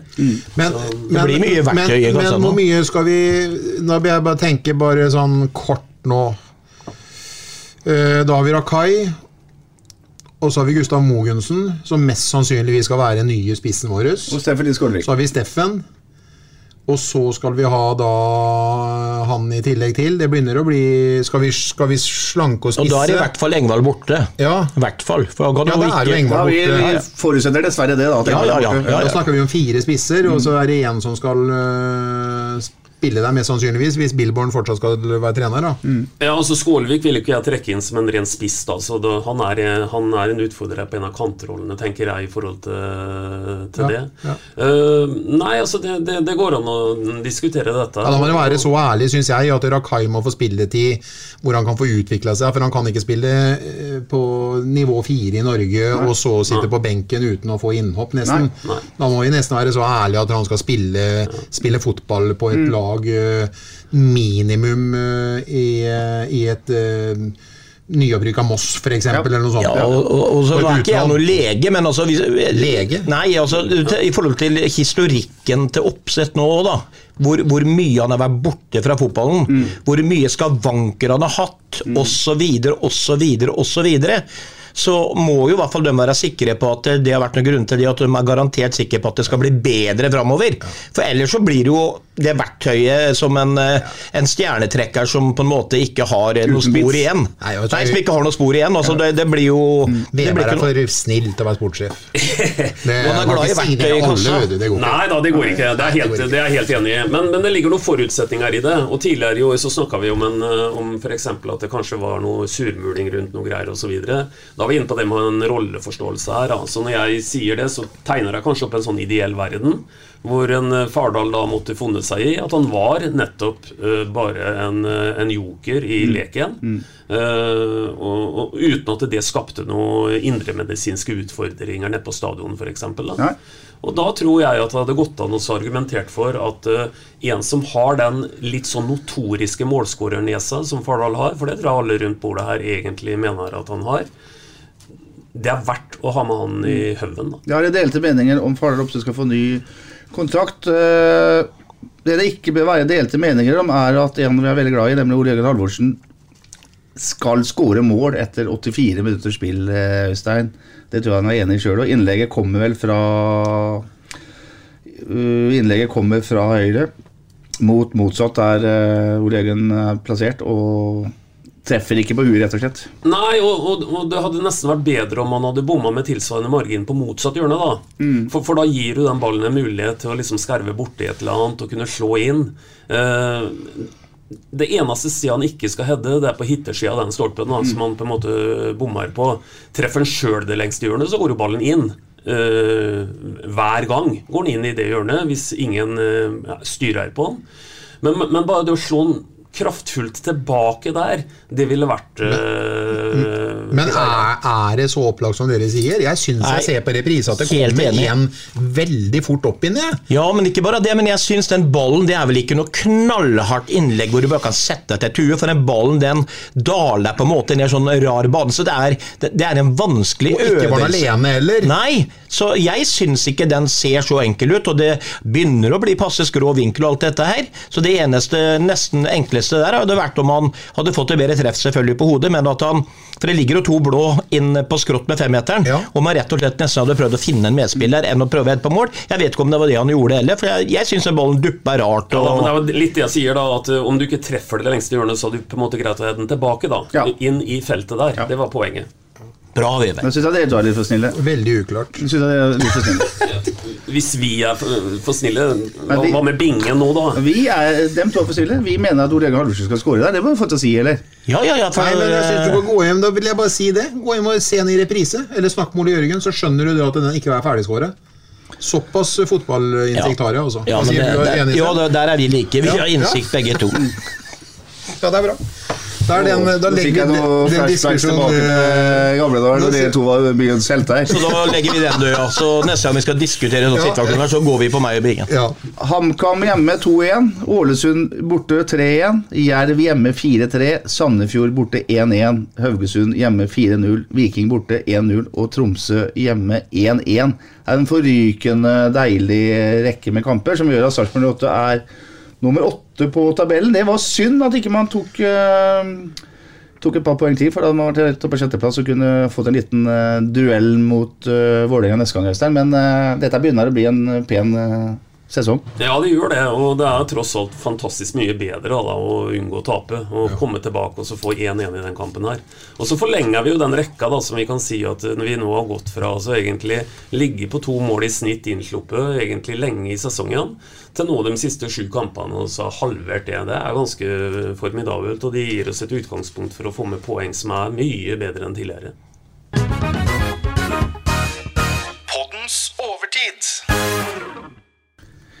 I overtida skal vi snakke om eh, noe som eh, vi vet at eh, har blitt diskutert heftig på sosiale medier de siste dagene etter at VG brakte en oversikt over hvor stor prosent av spilletida i den norske eliteserien, som tilfaller eh, spillere som er eh, under 21 år gamle, altså unge, lovende gutter. Der er eh, Sarpsborg 8 helt sist på oversikten med 1% av spilletida. Mens eh, Odd og Vålerenga er de to beste med henholdsvis 26% og 22% av spilletida. eh, Tilfaller altså unge spillere. Vi skal bruke litt tid på det, og vi skal eh, prøve å å se dette fra begge sider, Øystein. Men eh, sånn i utgangspunktet, for, bare for å si det, dette er noe vi har snakka om før, og det er noe som SA har skrevet om mange, mange ganger. Eh, men utfordringen er på en måte den samme, Øystein. Ja, og det er jo en grunn til at det er relevant å diskutere det. Hadde det vært en sånn enkeltstående statistikk som nå liksom var basert på de siste ti kampene, så, så kunne det vært på grensa til usaklig å begynne å snakke veldig mye om det. Men dette har vært et mønster som har vært over tid. At sånne type statistikker kommer vi dårlig ut på. Og det er først og fremst eh, to ting tenker jeg som gjør at vi må helst vekk fra den plasseringa, i hvert fall. Det, det har en omdømmeside. Og så har det også en, det jeg vil kalle en sånn økonomisk bærekraftside. At vi ikke får produsert nok egne, egne produkter. Og så er det her som alle andre steder i verden noen nyanser eh, rundt dette. Alle kan sikkert være enig i det type mantra som er at eh, du får spille, gutten min, den dagen du er god nok. Ikke sant? Det ligger i bånn. Du er rett og slett ikke god nok ennå. Men så tror jeg også det at eh, skal du bli god nok, da, så må det innimellom, i hvert fall, være sånn at du slipper til kanskje på en litt for stor scene. Kanskje du blir kasta ut på litt for dypt vann. Og det gis rom for å feile, og det gis rom ikke minst for at du ikke kan heve kollektivet fra minutt én. Uh, for hvis det er kriteriet som ligger bånd, i bånn, så, så, så, vil jo på en måte du sjelden få en, få en, mulighet. Så det er akkurat denne balansen her. Men det enkle svaret på det, hvis du spør folk i 08 det vil jo være at vi har ingen under 21 år som er gode nok. Mm, det er jo det korte svaret på det. Mm. De klubbene som, eh, som, da tydeligvis har spillere som er gode nok, det, Sven, eh, sånn som Odd og Vålerenga Eh, vi kan si mye om Dag Erlend Fagermo. Eh, Dag Erlend Fagermo har sluppet til unggutter i Odd. Det gjør Odd fortsatt. Men eh, nå har altså Vålerenga 22 eh, av spilletida går til unge spillere, der Fagermo da er sjef. Du kan si at Det kan skyldes at de har en ung keeper, f.eks. Det, er jo, det er jo mye nyanser som står i den tabellen her. Men eh, er det sånn at hovedgreia er akkurat det Øystein sier, at er du god nok, så får du spille uansett hvor gammel du er? Selvfølgelig er du god nok, så får du spille uansett. Jeg er helt enig med Øystein. og Vi må jo legge til en par tre ting her, holdt jeg på å si, i forhold til når det gjelder Sarpsborg 08 og de siste sesongene.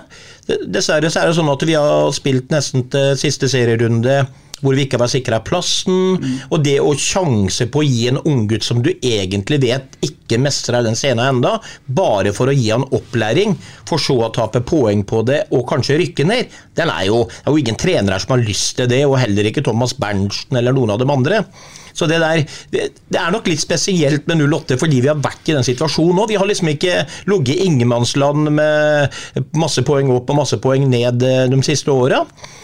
Men det er klart at sånn som framover nå, da, det er ikke mange kampene igjen, men det, det, eneste jeg kunne For å være helt ærlig, eh, jeg banner sikkert i kjerka for mange som vil ha fra mange unggutter, og jeg forstår det, og er helt enig med Øystein. For å bli bedre, så må de få prøve. Og det, det må man jo. Man blir jo ikke bedre uten å få prøve.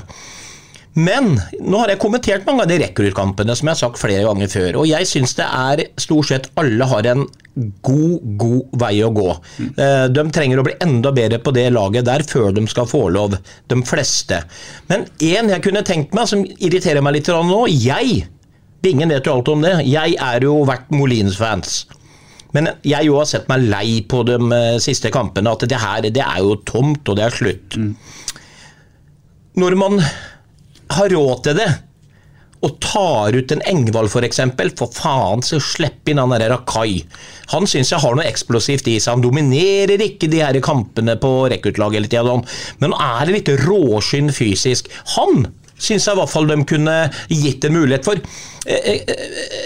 Eh, eh, eh, pro, altså, hvis han gjør noe feil der oppe, eller et eller annet sånt spiss, så er jo ikke det så graverende. Det retter vi opp bakover. Det er verre å sette inn en ung midtstopper som på en måte er skyld i et baklengsmål med det samme. Men gi i hvert fall Rakai muligheten, for gjør du det, så vil jo prosentene gå opp bare pga. det, og det er ingen risiko å ta. Ingen risiko å sette inn Rakai istedenfor en Molins. Mm. Det syns jeg er litt svakt. Mm. Jeg skal bare fortelle at både Aridon Rakai og eh, Elias Haug sitter på benken i dag, er i kamptroppen, men klokka 14.00, altså tre, tre, timer før kampen i Sarpsborg starta, så spilte rekruttlaget til Sarpsborg 8 mot Sprint i Jeløy på kunstgresset på Meløy stadion. Elias Høg spilte 90 minutter, og Aridon Rakai spilte 69 minutter. Så det betyr at de sitter på benken bare for å på en måte fylle ut en eh, tropp. De er ikke aktuelle for å spille noe i dag, for de har altså nettopp kommet rett fra en kamp. Ja, men det er greit, men det, her, det kunne gått et par kamper. Jo, bare, det er bare ja, ja, ja, det sier litt om prioriteringa i klubben. Altså, den, den, prioriterer altså en uh, klubbkamp på fjerde nivå da, for de to karene der uh, samme dag. Men det, det, er jo en, uh, hva som ligger bak der vet ikke vi noe om, men det vi vet, uh, Bingen, er at vi har lest i dag at uh, Stefan Billborn, som er bra i media og er ærlig, han sier altså at uh, det får spillere som er gode nok. Og han er ikke der for å utvikle spillere nødvendigvis. Men det jeg vil spørre deg om, Bingen, det er jo helt riktig. Stefan Billborn er der for å gjøre jobb. Uh, han er henta ut som arbeidsleder for det produktet. Og det er hans oppgave å gjøre det så bra som mulig. Han mener at de ungguttene ikke er gode nok. Men skal ikke klubben kunne si nå, hør nå her, Stefan Bilborn, hvis vi leder 3-0 mot uh, Tromsø i dag, så skal Rakai inn og få prøve seg? Eller er det ikke sånn det fungerer? Nei, det er nok ikke ja, Billborn ansatt uh, med de samtalene, f- for Nei. å si det sånn. Nei. Uh, Billborn han er jo ganske klar, overraskende klar Mm. i Sarpsborg Arbeiderblad. Jeg satt og bladde for å finne tilbake det nå, hvor han skriver at uansett alder, det spiller ikke noen rolle alder, her, her, her spiller du hvis du er god nok. Er du ikke god nok, så spiller du ikke. Men jeg syns det er litt sånn, litt sånn Jeg syns det er faktisk litt sånn enspora eh, tankegang, eh, fordi at alle starter et sted. Alle, alle, alle som er ferdige produkter på 08 sitt A-lag i dag, har en eller annen gang begynt karrieren sin med et innhopp, sittet i garderoben med etablerte spillere. Ikke bare sitte med dem i garderoben for å sitte på benken og lære av det som skjer på banen. Du må få faktisk kjenne litt på det. Hvis du skal få utvikla deg som spiller, så må du starte en gang. Ellers så får jo eh, Ellers så er jo det, det å spille seg inn på lag gjennom uh, bare treninger, treninger når du er, en, uh, er en ung gutt i en eh, outsider-posisjon, så, så er det jo ikke sånn, syns, jeg, da, at det skal fungere. Du må få muligheten. Vi har så klokketro på deg nå at det kvarteret her skal du få nå. Du skal få 20 minutter til. Ellers så blir det jo aldri noe produkt. Da. Hvordan skal du få utvikla deg hvis ikke du får mulighetene? Det er min mening, i hvert fall. Ja, jeg støtter Bingen i det. Og her er vi, syns jeg, kanskje litt som ved sakens kjerne, da. For, for hvis en skal tolke en type Kall det en uttalelse om at du kun skal inn den dagen du er faktisk helt 100% klar nok, så vil jo det nesten bli en sånn diskusjon om det er mulig å, å greie å fylle opp det rent sånn teoretisk. For hvor har du bevist at du er klar nok, hvis du aldri har fått den muligheten til å på en måte komme inn? Så på et eller annet tidspunkt så må vi slippe inn på eh, folk som er i vannskorpa, da, for å kalle det det. Og hvor jeg gjentar meg sjøl på at eh, det må både være rom for oss å kunne eh, feile, gå ordentlig på trynet, men at en ser litt Det er en investering i forhold til at det er å starte på, som Bingen sier. Alle har starta et sted. Så det må på en måte ligge litt i bånn, tenker jeg. Altså Overfører dette til et vanlig arbeidsliv, så er jo Altså Man gjør jo feil i det vanlige arbeidslivet før man er ferdig utlært og kan jobben sin til 100 eh, Sven. Ja, vet du hva? Og jeg er så enig med Bingen, og jeg er så enig med Veberg, at det, det må skje. Men dere er jo litt enige om konsekvenstenking her. Mm. Det at dere, hvis de nå slipper inn en unggutt og taper fotballkamp, kanskje pga. det eh, Det kan jo selvfølgelig skje. Det, det skjer jo du med de taper ikke en kamp Nei, nei, men med å bytte. Rakai inn istedenfor Molins, Sven. Nei, det har jo jeg sagt allerede. Ja. Det er ikke det som er problemet, men vi må innse gutter, at de, de siste åra så har vi liksom ikke hatt den at du leder 3-0 mot Tromsø. For faen, Vi har jo spilla nesten til den siste og nest siste serierunde hvert år med enorme konsekvenser hvis vi taper fotballkamper, for da rykker vi ned, og vi vet hva, hva det kan bety. Så det har jo vært problemet det også, at man kanskje ikke heller har tørt å slippe til de gutta, eh, selv om det får konsekvenser. Men jeg er helt enig. Skal de bli bedre? Vi kan ikke fortsette hvor mye vi bruker på det ungdomsakademiet vårt, eller, eh, og ikke får noe tilbake. Det, det går ikke. Det, det, eh, men som jeg sier, f.eks. til året, jeg har sagt det før. Færre spillere i troppen, da kan de ikke ha like mange verktøy i kassa. Høyere kvalitet på den som er der, og de beste unggutta, så må de trå til en gang imellom. Men hvis de har høyere kvalitet på troppen, og mindre kvantitet, så vil jeg garantert tenke det. Da slipper vi også å komme i de posisjonene hvor vi spiller en halvannen sesong med skuldrene langt over eh, huet og er redd for å rykke ned. Da vil vi gjøre en god sesong, som igjen gjør at det er også litt mer kall gjerne ufarlig, da. Å lære de unggutta få lov til å være med på det høyere nivå. Men der har vi ikke vært de siste åra. Nå er vi der. Nå er vi der, men det, det snakka vi hvis vi leder 3-0 i dag. Og- men det er jo faen meg den første kampen omtrent hvor vi kunne ha gjort det, for å være sikre. hvis, vi, hvis vi skal si at vi kan prate litt erfaring og ikke bare synse og hive ut noe, så er det jo helt, helt riktig tid å gjøre det på når produktet vårt er så solid og så bra som det er nå. Så er jo ikke han eh, Rakai, da, for eksempel, for å ta et eksempel, som skal inn for Molins i neste kamp som, bytte, som innbytter. Det er jo ikke han som skal bære, eh, bære laget på sine skuldre. Produktet rundt den skal være så trygt og godt nå, så han skal bli inkludert i en allerede god elver. Altså, han skal inn og heve seg for tryggheten og føle seg liksom Ah, det her mestrer det, for at Han- medspillerne skal være så gode at de skal spille han god. Han bør få lov til å få noe sjanse, syns jeg, før sesongen er Ja, over nå. om to uker så kommer og så Kristiansund til bør han Haug også, i, i kraft av at han er kaptein på landslaget og alt dette, for å gi et signal at det, det viser seg at han er god sammenlignet med norske andre talenter. Han bør også få en sjanse, selv om jeg syns han hadde en eh, miserabel kamp hvor han ble bytta ut til pause på rekruttlaget. Og så er det én spiller til, og jeg ser jo altfor lite, men én med litt tempo og driv i som jeg har likt på det rekkeutlaget, Det er han derre Auby. Han har et sånn et røkk og vrikk med rumpa, så har han drag i stega sine. Han kunne vært en, en mulighet, f.eks. Og det som er så viktig med det her, hvis de tør å gjøre det nå, det er jo ikke noe farlig lenger så gir jo det signalet da som de higer etter i byen. Vi har masse lokale gamle helter her som skriver opp og ned på Facebook som Bingen ikke er med på, og snakker om dette her med talentutvikling. Lenar Berby og guttene har sin mening, og jeg er ikke uenig med Lenar og dem, men da får de i hvert fall litt betalt tilbake, og så får guttene betalt. Tenk deg hva det har å si for de andre på det her eh, unge laget, som ser at kameratene får lov til å spille A-lagsfotball. Men nå har vi muligheten, men det har vi ikke hatt tidligere. For den tabellen som du innledningsvis refererer til, Petter Galnes, den er klokkeklar. Det er fasit. Ja, det ikke er noe synsing. fasit. Nei, nei. Og den er ikke bra. Jeg skal bare komme med to ting før Øystein får siste ord i den eh, lille debatten her. Er, eh, jeg ser diskusjon på nettet, så er man, drar man veldig ofte fram det faktum at man har vunnet Intercat-serien to år på rad. Det er fantastisk bra. Intercat-serien er ikke en arena for den beste junioren i, i norsk elitefotball. Bare så enige om det. Er veldig flott at vi vinner Intercat-serien to år på rad, men det betyr ikke at man nødvendigvis er der oppe øh, sånn på landsbasis. For de fleste juniorene spiller annendivisjon og tredjedivisjonsfotball. Helst annendivisjonsfotball rundt omkring. Så bare for å øh, le, le, ta det, det aspektet med. Og det andre er at jeg ser at man er veldig opptatt av dette Afrika-prosjektet. øh, Der man nå eier 20% av spillerstallen til øh, Oslo Fotball Academy i øh, i Afrika med opp mot 100 fotballspillere. Der er det mulighet til å hente både spillere til klubb for å høyne nivå, men også for å drive butikk ut av det, som vi har sett eh, tidligere. Jeg mener at det å ha det Afrika-prosjektet, det er at man har to tanker i hodet samtidig. Man skal drive lokal eh, spillutvikling, og så skal man drive det prosjektet der nede. Og så skal ikke det ene gå på bekostning av det andre syns jeg. Det skal vi ta med oss i diskusjon. Det vi skal diskutere, er lokale gutter og deres muligheter til å få sjansen. Vær så god. Ja, Bingen skal få en eh, Ja, det- det- det replikk. blir så langt, Bingen kan avslutte, han, Nei, nei. Jeg bare tar en liten før Bingen avslutter. For å bare følge opp det sporet til hans venn. Eh, Jeg er jo helt enig med at hvis en leter etter årsaksforklaringer her, så har Sven garantert et poeng. Vi har snakka om det før.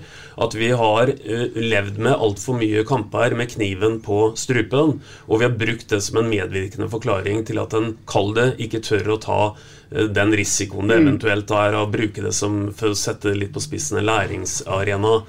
Men hvis vi ikke skal gjøre det nå, hvis vi ikke skal gjøre det nå, når kontrakta kontrakten er sikra, da har vi jo ikke troverdighet på å bruke det som et argument lenger. i hvert fall. Hvis vi f.eks. skal si at vi vil heller bli med 11 enn 12, vi vil heller bli med 8 enn 9, altså da er det jo kamp ut hele tiden. da.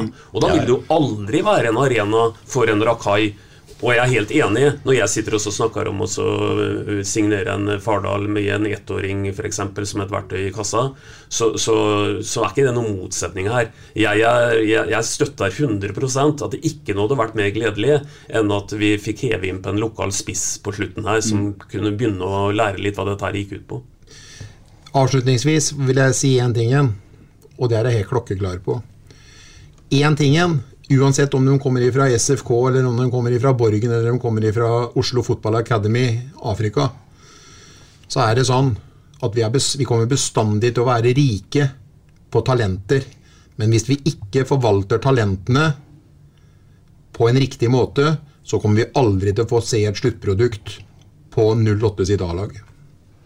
Bra. Det var en klar avslutningstale, vil jeg nesten si, fra Unge Bingen når det gjelder den diskusjonen om uh, unggutter og uh, sjanser eller manglende sjanser på A-laget til Sarpsborg 8. Den, kommer, den debatten kommer til å gå, og det var bare jeg tror klubben skal være veldig glad for den debatten, for det viser at folk er engasjert i både spillerne og ikke minst i laget og klubben. Ålreit, neste søndag så skal Nei, unnskyld, lørdag. Førstkommende lørdag klokken 18 er det vel, skal Sarpsborg 8 til Oslo øst, Øystein. På Intility Stadium. Da spiller på Vålerenga. Og det går bra, eller? Ja, vi forlenger ubeseira-rekka. Mm. Vi spiller 1-1. 1-1, Sven? Nei, vet du hva, Jeg tror at Fagermo og øyelokkene er enda tyngre nå. og De har, altså, de, de er jo i fritt fall. Mm. De lukter på sølv og snakker høyt om alt og nå, så jeg tror de er så mentalt ute å kjøre nå, så der vinner vi 2-1. Ja, tipset mitt gikk jo inn i dag igjen. Jeg tippa jo 1-1 eh, mellom 08 og Tromsø. Eh, fikk rett, eh, som jeg stort sett gjør. Eh, jeg tror vi vinner 1-0 til lørdag på Intility. Og det skulle ikke forundre meg om det Engdahl. er eh, Tobias Hein sin arena hvor han skjærer inn og feier den i nettaket. Takk for meg. Vær så god, Petter. Og du sier? Jeg sier at i 2015 så var vi på Det var vi ikke. Vi var I 2017 så var vi på Intility og åpna stadion. Ene uka. Og så spilte vi semifinale der andre uka. Og begge kampene gikk veldig bra. Ole Jørgen Halvorsen var strålende i begge kampene. Eh, kampen på, til lørdag ender 1-0 til 78, og det er Ole Jørgen Halvorsen som skårer mål. Jeg sa det samme som Bingen, fordi Bingen har greie på fotball. Så jeg er ikke blitt så overraska over det. Nei, du, du må hjem og smøre deg med Andersen. Nå har Bingen gjennom alle podkastsendinger repetert noe av oss, så begynner du Nå med det. vi. Han har jo ikke hatt Ja. rett ennå. Men vi gir oss nå, men jeg bare en liten til, til Sven før vi gir oss. Nå har du vært på Granca-uke, Sven. Og så, Hvordan var overgangen å komme tilbake igjen til Sarpsborg og sju grader og Yra. Nei, det var jo ikke Det gikk ganske Det greit. Det egentlig- Det var nesten rarere å se dere. Ja. Det var kanskje den overgangen jeg syntes var størst, men eh, temperaturen var jo stor, da. Ja. Men det er, det er som jeg sier, du må tro, tror jeg har vært på Mosjøen i uke Ja. pga. fargen. Mens du kom hjem fra Syden, så var jeg i eh, Oslo og så på Sister Act i går. Og der spilte hun Ingeborg Walter helt strålende. Øystein. Ja, hun er i Eliteserien og vel så det. Uh, Når du nevner Ingeborg Walter, så kan vi vi kan vel godt sende en gratulasjon til Moss, så kan vi ikke det? ja, jeg hadde tenkt det, skjønner du. Men Ja, jeg, tok den, jeg tenkte faktisk vi skulle avslutte hele med å si vi alt, så skal vi avslutte med den eh, berømte sangen. Skal vi det? Ja, Ja. den derre Hei, Ja, Mossegutter. Ja, dere det? Nei, det er Hei, Mossegutter, gå nå til kamp. 90 minutter med svette og dans. Kråken vinner, og to poeng vi tar. Da skal vi ha. Tra-la-la-la. Gratulerer med oss. Gratulerer, med oss! Veldig kult. Da får dere lokaloppgjør mot FFK. Ja, sikker. Vi prekes. Ja, det er um, to Vi Mosse-seire. prekes. Ha det sånn. Vi prekes. Prekes. SA-podden presenteres av Fleksi. Regnskap med et smil. Ukens annonsør er HelloFresh. HelloFresh er verdens ledende matkasseleverandør og kan være redningen i en travel hverdag. Mange av oss har nok vandret i butikken både sultne og uten en plan for middagen, som ender med at vi går for de samme kjedelige rettene gang på gang. Middag burde være dagens høydepunkt. Som HelloFresh kan du nå velge mellom 25 ulike retter hver eneste uke, eller få HelloFresh til å sette sammen menyen for deg. Dette gir deg muligheten til å prøve nye og spennende retter alene eller sammen med familien. Du velger antall porsjoner og får alt levert på døren på et tidspunkt som passer for deg. Oppskriftene er enkle, og maten er lett å lage både for store og for små. Ved å få alt levert hjem får du også mer tid til å dele matgleden med familie og venner. Kanskje det frister med asiatiske tacos eller greskinspirert kylling? Da kan jeg anbefale deg om å gå inn på hellofresh.no. Her kan du bruke koden FOTBALL og få opptil 1779 kroner i rabatt på de første fem matkastene hvis du ikke har prøvd HelloFresh tidligere. Du kan også bruke rabatten hvis du har vært kunde og stoppet abonnementet ditt for tolv måneder siden eller lengre. Gå inn på hellofresh.no og bruk koden FOTBALL. Har du et enkeltpersonforetak eller en liten bedrift? Da er du sikkert lei av å høre meg snakke om hvor enkelt det er med kvitteringer og bilag i fiken, så vi eh, gir oss her, vi. Fordi vi liker enkelt. Fiken superenkelt regnskap.